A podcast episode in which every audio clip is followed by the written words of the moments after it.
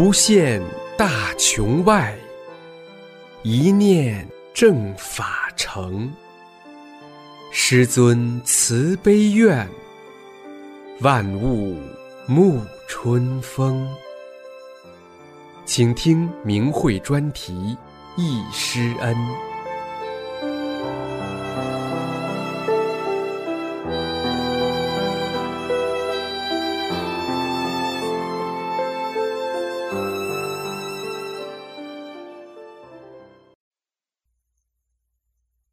请听明慧忆师恩专题文章，题目是《珍贵的回忆》，作者大陆大法弟子慧莲。文章发表于明慧网，二零零三年二月十一日。当看到工友写的《随师万里行》一文时，感慨万分，不禁想起当年自己也是随师到成都，多次亲耳聆听到师傅讲法，也有和作者类似的经历。还见证了大法红传十多年所经历的风风雨雨。我没什么文化，写文章困难，心里话表达不出来，又想叫同修代笔，就这样一拖再拖，被这种旧观念障碍了许久许久。明慧网上两次登载文章，在正法洪流中正念正行、平安无难的大法弟子，也应写出自己的经历。现在终于打破障碍。我想，再华丽的语言，那不是我。我虽没有更多轰轰烈烈、感人至深的壮举，但是我有大法在世间红传时，法给了我殊胜的荣幸和作为师尊当年传法艰辛的见证。我想尽力写出来，能和工友同享共进，揭穿谎言，证实大法。同时，也是破除旧观念障碍的过程。回忆一：由于邪恶迫害，我流离失所在外很长的时间了。今年情况与二零零一年来看就大不一样，不仅有更多的工友走出来证实法，而且又有更多误入歧途者醒悟，重新走回正法之路，整体越来越成熟、强大、坚定。大家配合的也越来越好。想起去年的现在，除夕临近，过年了，留我住的好心的大妈有常人儿女要回家过年，我不想叫大妈为难，便离开了。可我常人亲人家，他们也不敢收留我，一时我找不到住处。为了抵制邪恶迫害，更好的讲真相，我流落了街头。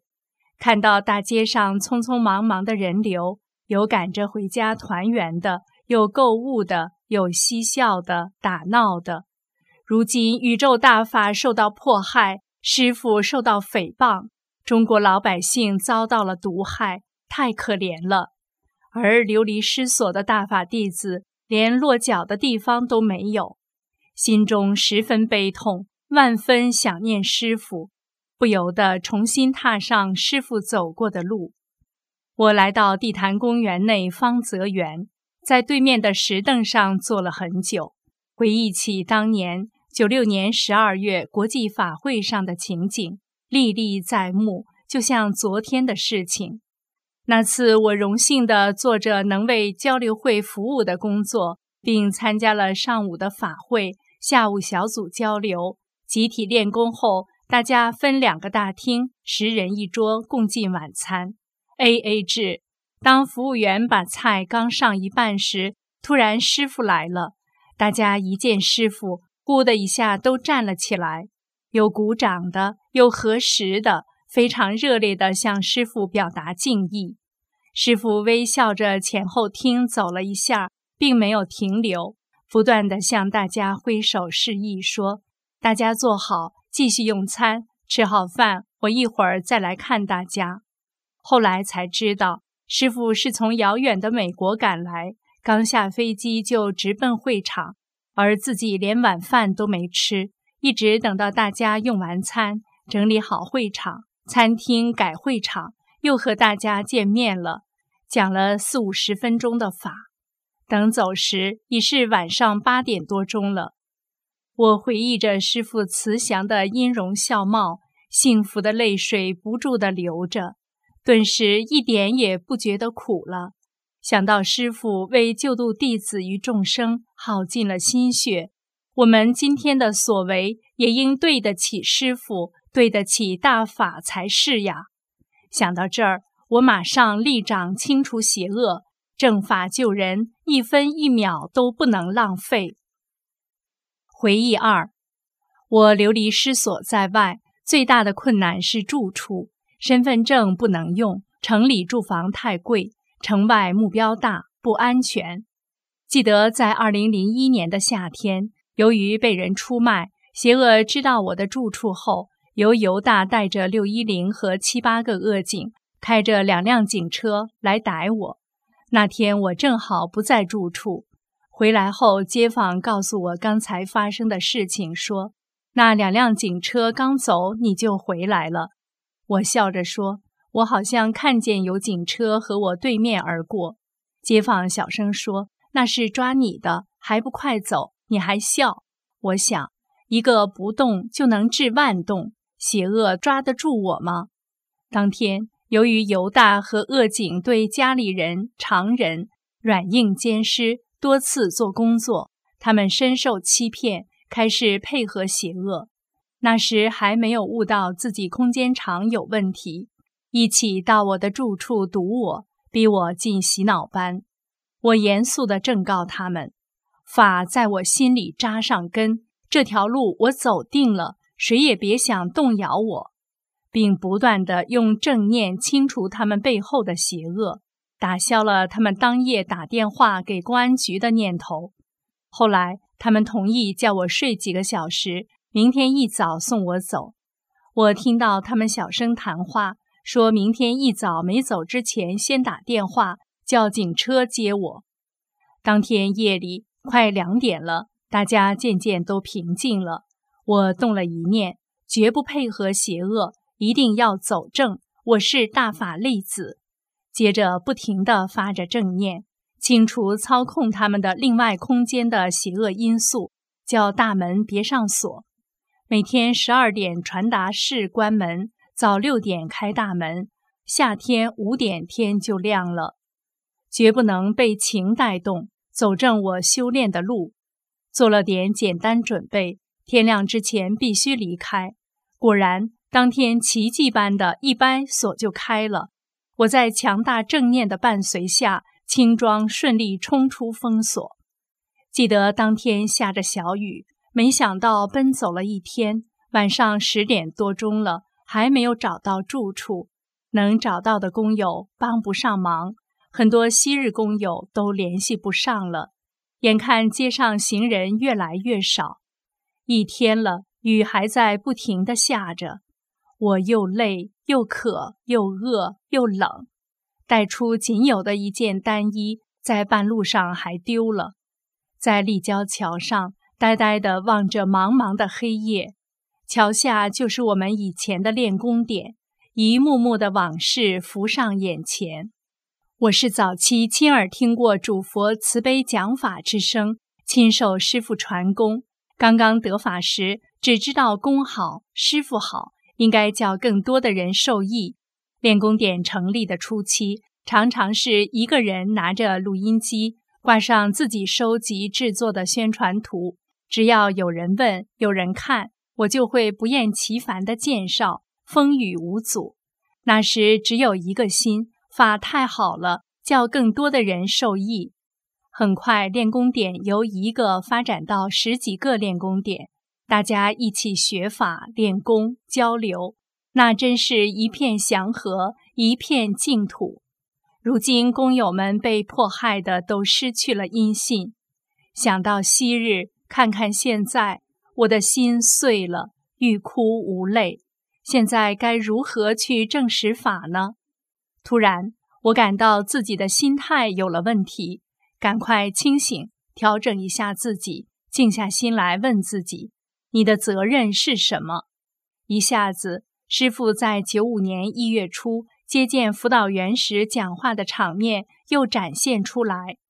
调整心态后，我理智地分析了一下，目前这个地区出现的现象，现在邪恶势力是针对着我们的人心，一方面分化瓦解我们，另外一方面利用当前猖獗横行的假象来拖垮弟子的意志。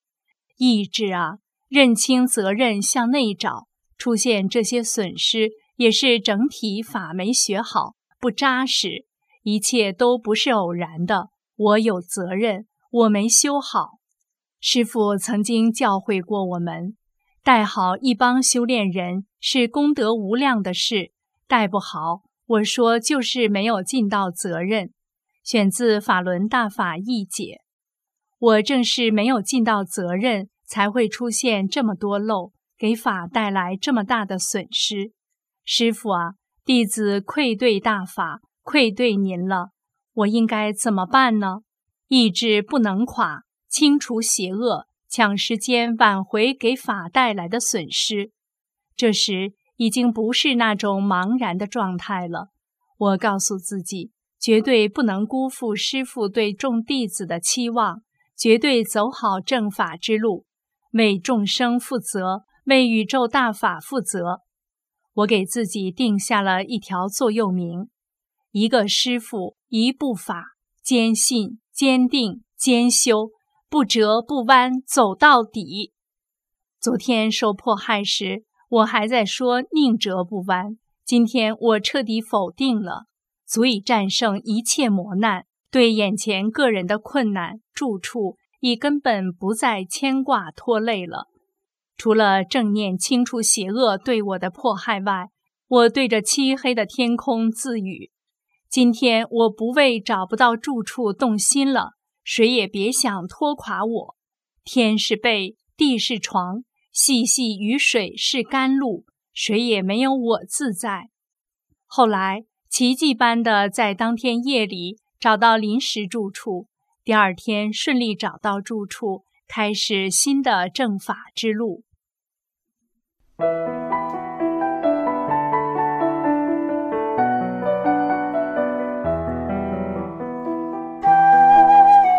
您现在收听的是明慧专题。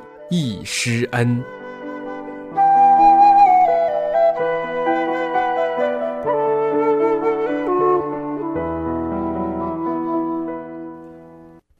回忆三。记得在二零零一年下半年，由于邪恶迫害和工友联系有一定困难，真相材料很少，不能及时见到经文。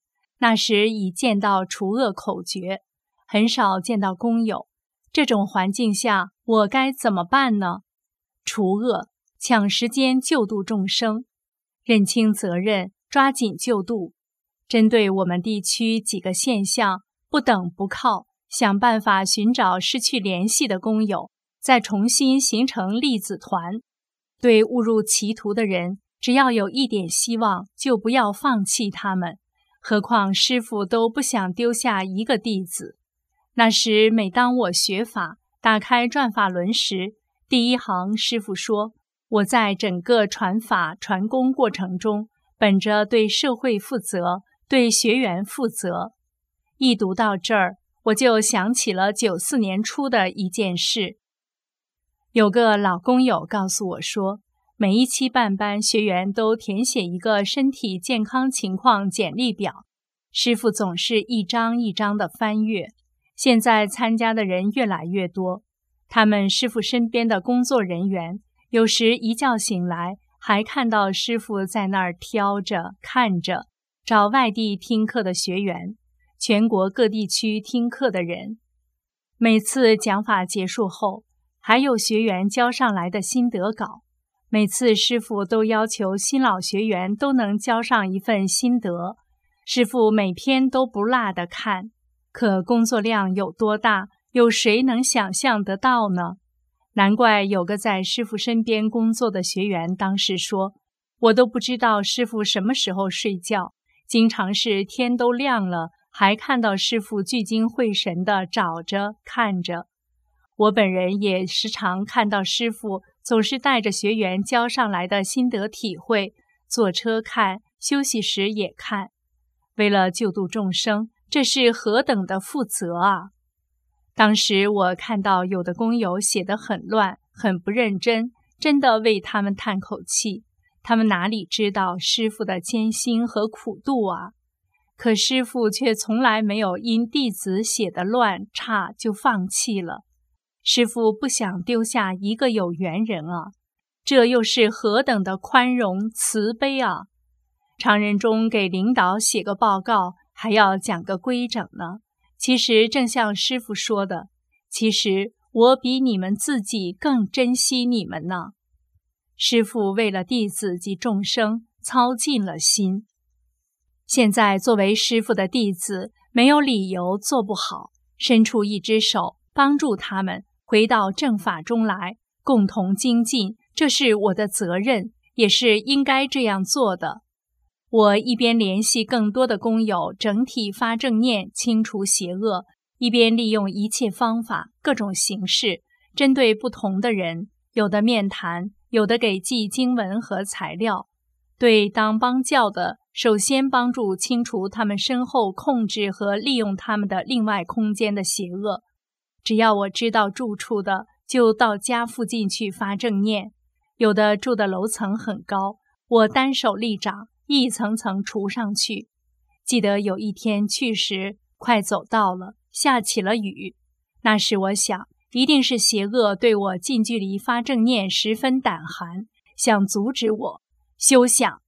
按原计划，到几个特别邪恶的，现在还在助纣为虐的家附近去帮他们清除邪恶因素。有的不知道住处，只知道楼号。我就一家一家站在雨里，单手立掌，丝毫没有考虑自己的安全。那时正到处抓捕我，就想叫他们快点清醒。我心底呼唤着：昔日的工友，快回来吧！机缘难得，不要掉队呀！邪恶旧势力的安排，我破定了。回忆四。我正实法走出来的比较晚，磨难初期我没悟到，没到天安门去正实法。当时不知所措，自己整天关在家里，就是学法看书，还认为自己走正了路。终于，二零零零年师傅的经文下来了，从心自明一篇篇发表到理性，是师傅的法惊醒了我。确切地说，是师傅把法讲明了，一定要将他们的邪恶叫世人知道，也是在救度世人。师傅咋说，我咋办？我应该走出来了，叫更多人知道真相，救度世人。那时真相材料我见得很少，我想只要有一份，我就知道该怎么办了。不等不靠，筹集点资金，自己解决。当刚迈出这一步，再学法，越看法理越明。是呀，我本应该早就站出来证实法。是什么心障碍着我呢？向内找，私心、怕心、掩盖心、自以为是心、不负责任心。哇，一个个肮脏的心，忘掉了自己的责任心和天职。两千年十一前后，我再也坐不住了。必须要证实法了。我带上法正乾坤的条幅，和工友们一起走上了天安门。记得在天安门广场上，那天工友大约有一百多人左右，陆陆续续，大家也都到了广场中心。我的位置正好在大伙儿的边上，便衣、警车、警察随处可见。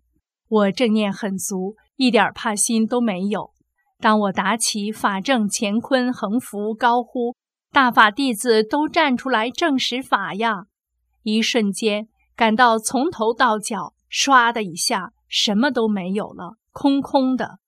恶警警车向我扑来，我眼前看到警车就像个小火柴盒一样向我开来，恶警就像跳棋子儿一样小蹦过来。当两个恶警一手架我一个胳膊时，我看着他们，问了一句：“你们干什么？”他俩就像触电似的，同时撒开了手。这时，人群把我推向一边，真是可笑。一个火柴盒就想装下大法弟子，一个跳棋子就想动大法弟子，太可笑了。那时我切身体会到了一正压百邪的威严和伟大。当天平安返回，回来后又马不停蹄带上资料出来证实法，走上新的正法之路。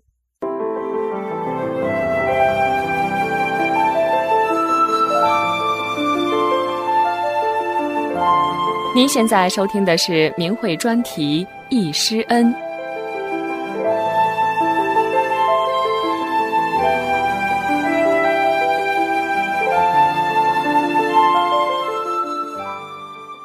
回忆五，从九九年七二零开始，真的是度日如年。从天天盼着有个头，到堂堂正正出来证实法，电视上离谱的造谣诬陷，使我越来越认清邪恶，坚信大法。三年多来，越迫害我越坚定。记得有一次，居委会主任、书记到我家做工作，逼我放弃修炼。我手指着电视，告诉他们：“就是这新闻天天看，他那里边说的和我接触的完全不一样。是我们在天天看那本转法轮书上说什么写什么，我们最清楚。是我们天天去练功去修心，每天做什么，我们也最清楚。就像天天吃梨的人，那梨子啥味儿，是应该我们说呢，还是没吃梨的人说？”你们说梨是什么味儿？我能信吗？能听吗？他们顿时哑口无言。我又正告他们，但态度祥和。以后您若要问我大法和修炼是咋回事，我随时欢迎。但您要和我谈别的，别费那个时间了。后来他们再也没找我。当我一看到电视中造谣诬陷师傅时，泪水就止不住的流，伴随大法在世间红传，我目睹了所经历的风风雨雨和师父传法的艰辛。那恶意的谣言能不深深刺痛大法弟子的心吗？记得九二年东方健康博览会是在国贸举办，我当时也参加了。进了大厅，五花八门公派，眼花缭乱。当我看到法轮功排的队最长，人最多，不由得走过去看看。我挤到前边，不知怎的，无名的激动从心中升起。第一眼就见到一位身材高大、一脸慈祥的年轻人在和一个记者谈话。当时我对同行的朋友说：“他一定是这个公派的掌门人。”他说：“你怎么知道？”我说：“凭直觉。”当时十分奇怪，眼睛不离地儿的看着眼前的这个人师傅，感觉好像在哪儿见过或共过什么事，使劲想也想不起来，真面熟呀！我仔细的端详，从头看到脚，只见他身穿一件很普通的外衣，里边是一件浅棕色的旧毛衣，好像手工织的。后来才知道。这件毛衣还带着补丁，裤子、皮鞋也是旧的，但都很干净。整个人显得那么朴实、端庄、大方，而又那么平易近人。回忆六，记得我参加天津讲法班时，看到师傅住的都是低档旅店，每天师傅都很忙，常常是讲完课后还要处理很多事。回到旅店就九十点了，师傅的晚饭只有方便面，每天如此。有一次，我们和一名在师傅身边工作的工友切磋时，正好赶上要吃午饭了。我问他：“咱们吃点什么？我去买点儿。”他随口说：“只要不吃方便面，什么都成。”我一听这三个字“方便面”就反胃，我都怕提这三个字了。而伟大的师傅为救度众生，却生活得如此艰辛。我还观察到，因跟班次数多，自然就看到了师傅很少更新衣服，很注意仪表，但却十分简朴。除天气有变化外，穿的总是一样。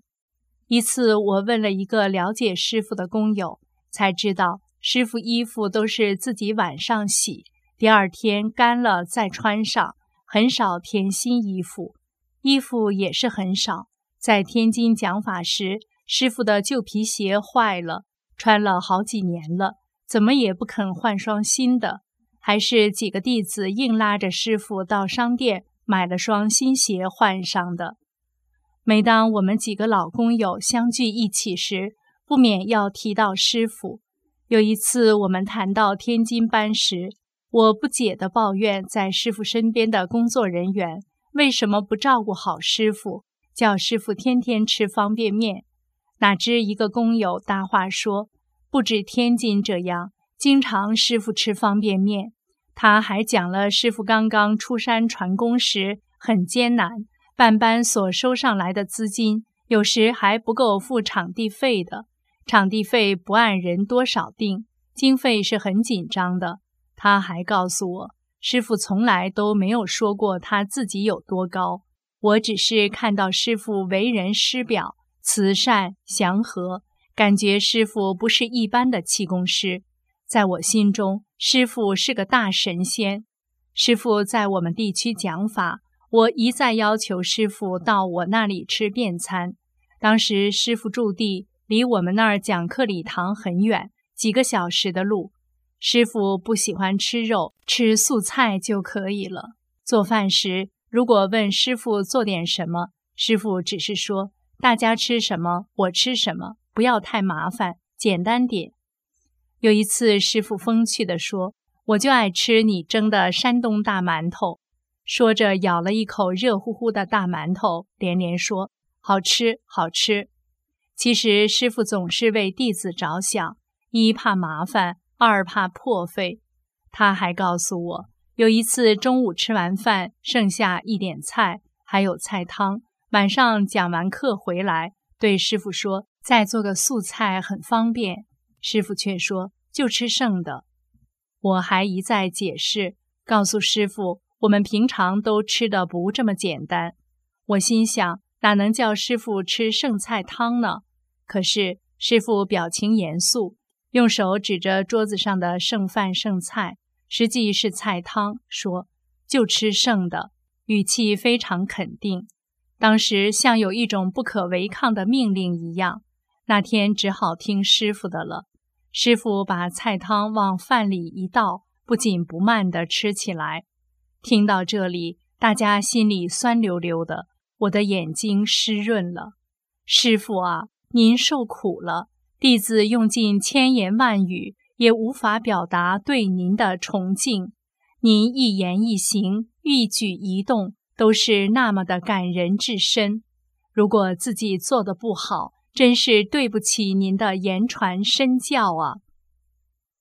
回忆七，中央电视台和六一零造谣说，我们师傅高中毕业，写不出转法轮来，是某某某写的。当听到这儿时，我真感到中国政府在丢脸。堂堂央视新闻竟说出如此流氓的谎话来，我就是证人，因为我无比荣幸地参加了转法轮的原始初期录音抄录工作。转法轮是我们江师傅在长春第八期、济南、郑州、大连等班的讲法录音带，一个字一个字地抠下来。用了五六天的时间。九四年夏接到这个神圣的任务，我一丝一毫都没有懈怠。由于自己文化不高，对于师傅的录音讲法，许多字都不会写。就是这样，我一边放着录音，一边查着字典。在当时没有复读机的情况下，用录音机一句一句停下来，一字不落地抄成文字。通宵达旦地花了几十个小时，十几个人终于按时完成了抄录手稿的工作，再转给别的工友打字成文，再转交给师傅。想想那时我激动的心情，知道工作的分量，想起跪在地上、趴在沙发上工作的情景。因在晚上家人都睡了，我只能在小门厅沙发上工作。再看看电视上无耻的谎言，这样的政治流氓集团还吹嘘以德治国。本来我是不会写文章的，但作为大法弟子，我强烈的感到自己有责任把师父与大法的光辉讲出来，让更多的人了解真相，揭穿那些可笑的骗人的鬼话。因此，几次下决心破除观念的障碍，终于成文。将来我还会继续公稿，并且据我所知，除现在判刑没有自由的，有许多目前平安无难的大陆老同修，也知道更多的鲜为人知的真实事迹，十分感人。但往往由于人的观念的障碍，或是害怕被邪恶抓住把柄等等，不敢面向全世界揭露邪恶的谎言，证实大法与师父的清白伟大。我深深的知道，假如没有师父那崇高的言传身教，深深的印在我的脑海里，我不会像今天正念这么强。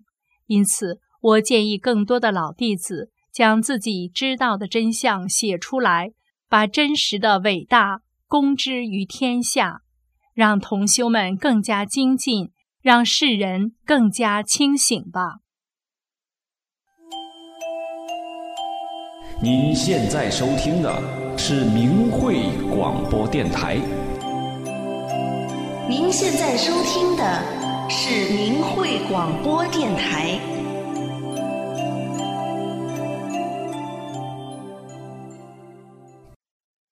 请听明慧易师恩专题文章，题目是《最珍贵的名片》，作者大陆大法弟子西元。文章发表于明慧网，二零一八年一月二十一日。我珍藏着一张世间最珍贵的名片——师傅的名片。那是一九九四年一月二十八日，我第一次见到慈悲伟大的师傅，是师傅第一次在济南传法教功时给我的。我是带着全身病痛去参加师傅的传法教功班的。那天，师傅一走进礼堂，参加过师傅传法班的大法弟子就大声喊：“师傅来了！”大家不约而同地起立，向门口望去。我的想法，气功师应该是鹤发虚髯者，可眼前的师傅身材伟岸挺拔，慈眉善目，年轻英俊，平易近人，气宇轩昂，睿智聪慧。穿着咖啡色的皮夹克，看上去就是二十多岁。我的眼睛定在师傅身上。当我被一阵阵雷鸣般的掌声惊醒时，我真的不敢相信，这就是今天要传法教功的师傅。几天内，师傅博大精深的法理震撼着我的心灵，颠覆了我无神论的观念，使我脱胎换骨。在师傅讲法的最后一堂课。回答学员提出的问题时，师傅念一张条子。一个学员请师傅给我们打一套佛家大手印。师傅慈悲，满足了大家的要求。师傅说：“佛家的手印是佛的语言。”对师傅打的大手印，让我们大家自己悟，悟什么得什么。我目不转睛地盯着师傅打佛家大手印。师傅让我们悟，我也不懂什么是悟，我就在心里想，这是老师在给我治病呢。当师傅换了一个手印，我又在心里想，是老师给我治病呢。师傅换了几个手印，我仍然在心里想，是师傅给我治病。不到半分钟，突然感到一股强大的热流从头顶灌到脚底，通透全身。曾经四十多天高烧不退的我，师傅用这股强大热流，把我生生世世的病液全部冲洗干净了。全身从里到外，从上到下，从内脏到表皮，从骨髓到肌肉，全身出透了黏糊糊的汗，渗透到棉大衣外面都是黏糊糊的汗。高烧退了，折磨我多年的头痛病好了。胆囊炎等十几种病不翼而飞，深深体会到什么是无病一身轻，真切地体验到师傅讲的灌顶的强大威力。在听师傅的九讲课中，除了玄关设位我没有明显的感觉外，师傅讲的所有功能我都有体会。师傅在讲法班要结束时一再强调，学了法轮功这套功法，你们会终生受益的。希望大家要坚持修炼下去。当时我就下决心，我一定修炼到底。师傅利用讲法间隙时间。公布了各个省市县请师傅到本地传法教功的时间。当时我也想，如果能把师傅请到我们那里办班，多好啊！我坐在礼堂大门过道边的一个座位上，是师傅走上讲台的必经之路。于是，当师傅在休息经过我身边时，我就问师傅：“李老师，您要去我们某某市办班吗？”师傅和蔼地说。你回去和当地气功研究会商量，让他们发邀请函给某某某，由某某某他们统一安排。第二天，师傅刚走进礼堂大门口，我就快步迎上去问师傅：“李老师，我怎么跟某某某取得联系呢？”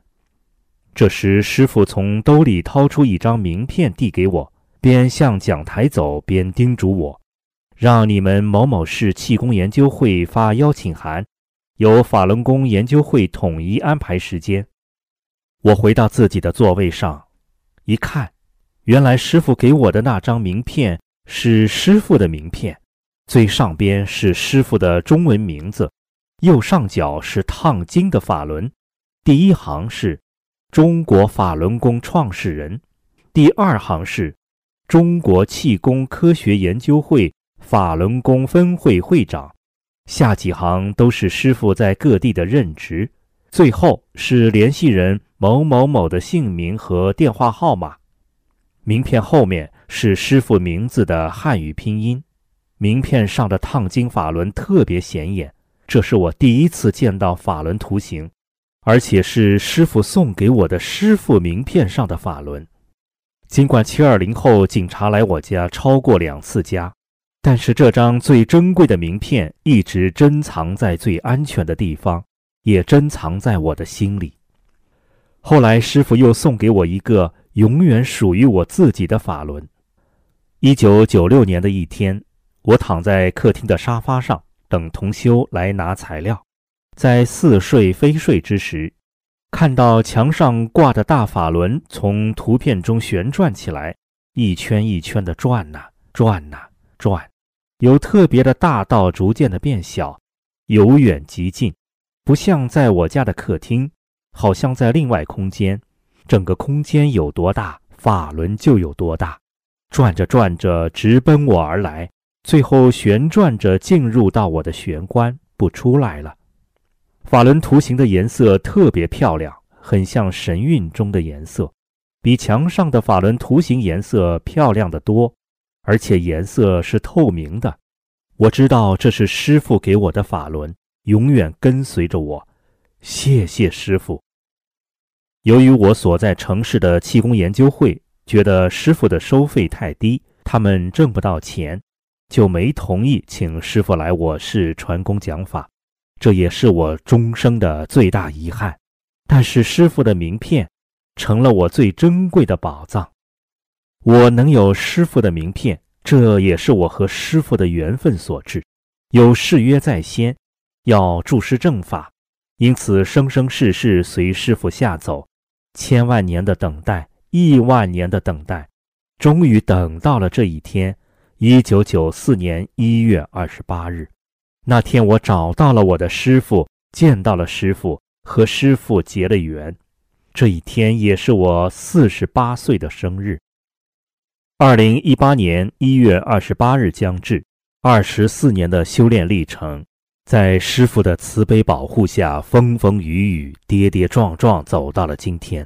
我真真切切地体悟到师傅那句话：那个时候，你用尽语言也形容不了你的师傅有多么伟大吧？简瑞士法会讲法，多年来每次学转法轮时，读到。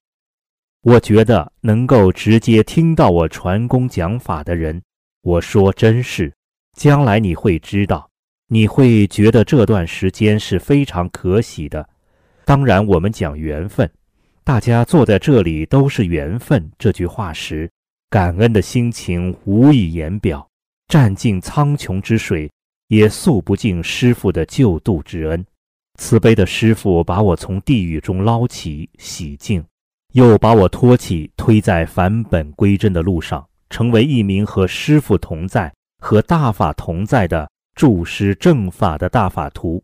作为弟子，唯有遵照师傅的教诲去做，在正法的最后时刻，踏踏实实的修好自己，完成好救人的使命，建制法国法会。兑现史前誓约，走正师傅安排好的修炼之路。大法弟子在正实法中所走的路，这种既修自己，同时救度众生，又配合了宇宙的正法要求，解体清除对正法起负面作用、对大法弟子行恶的黑手烂鬼与各种旧势力安排的干扰迫害因素。这就是大法图所走的完整的修炼圆满成就伟大的神的路。见《精进要旨》三，野棒喝。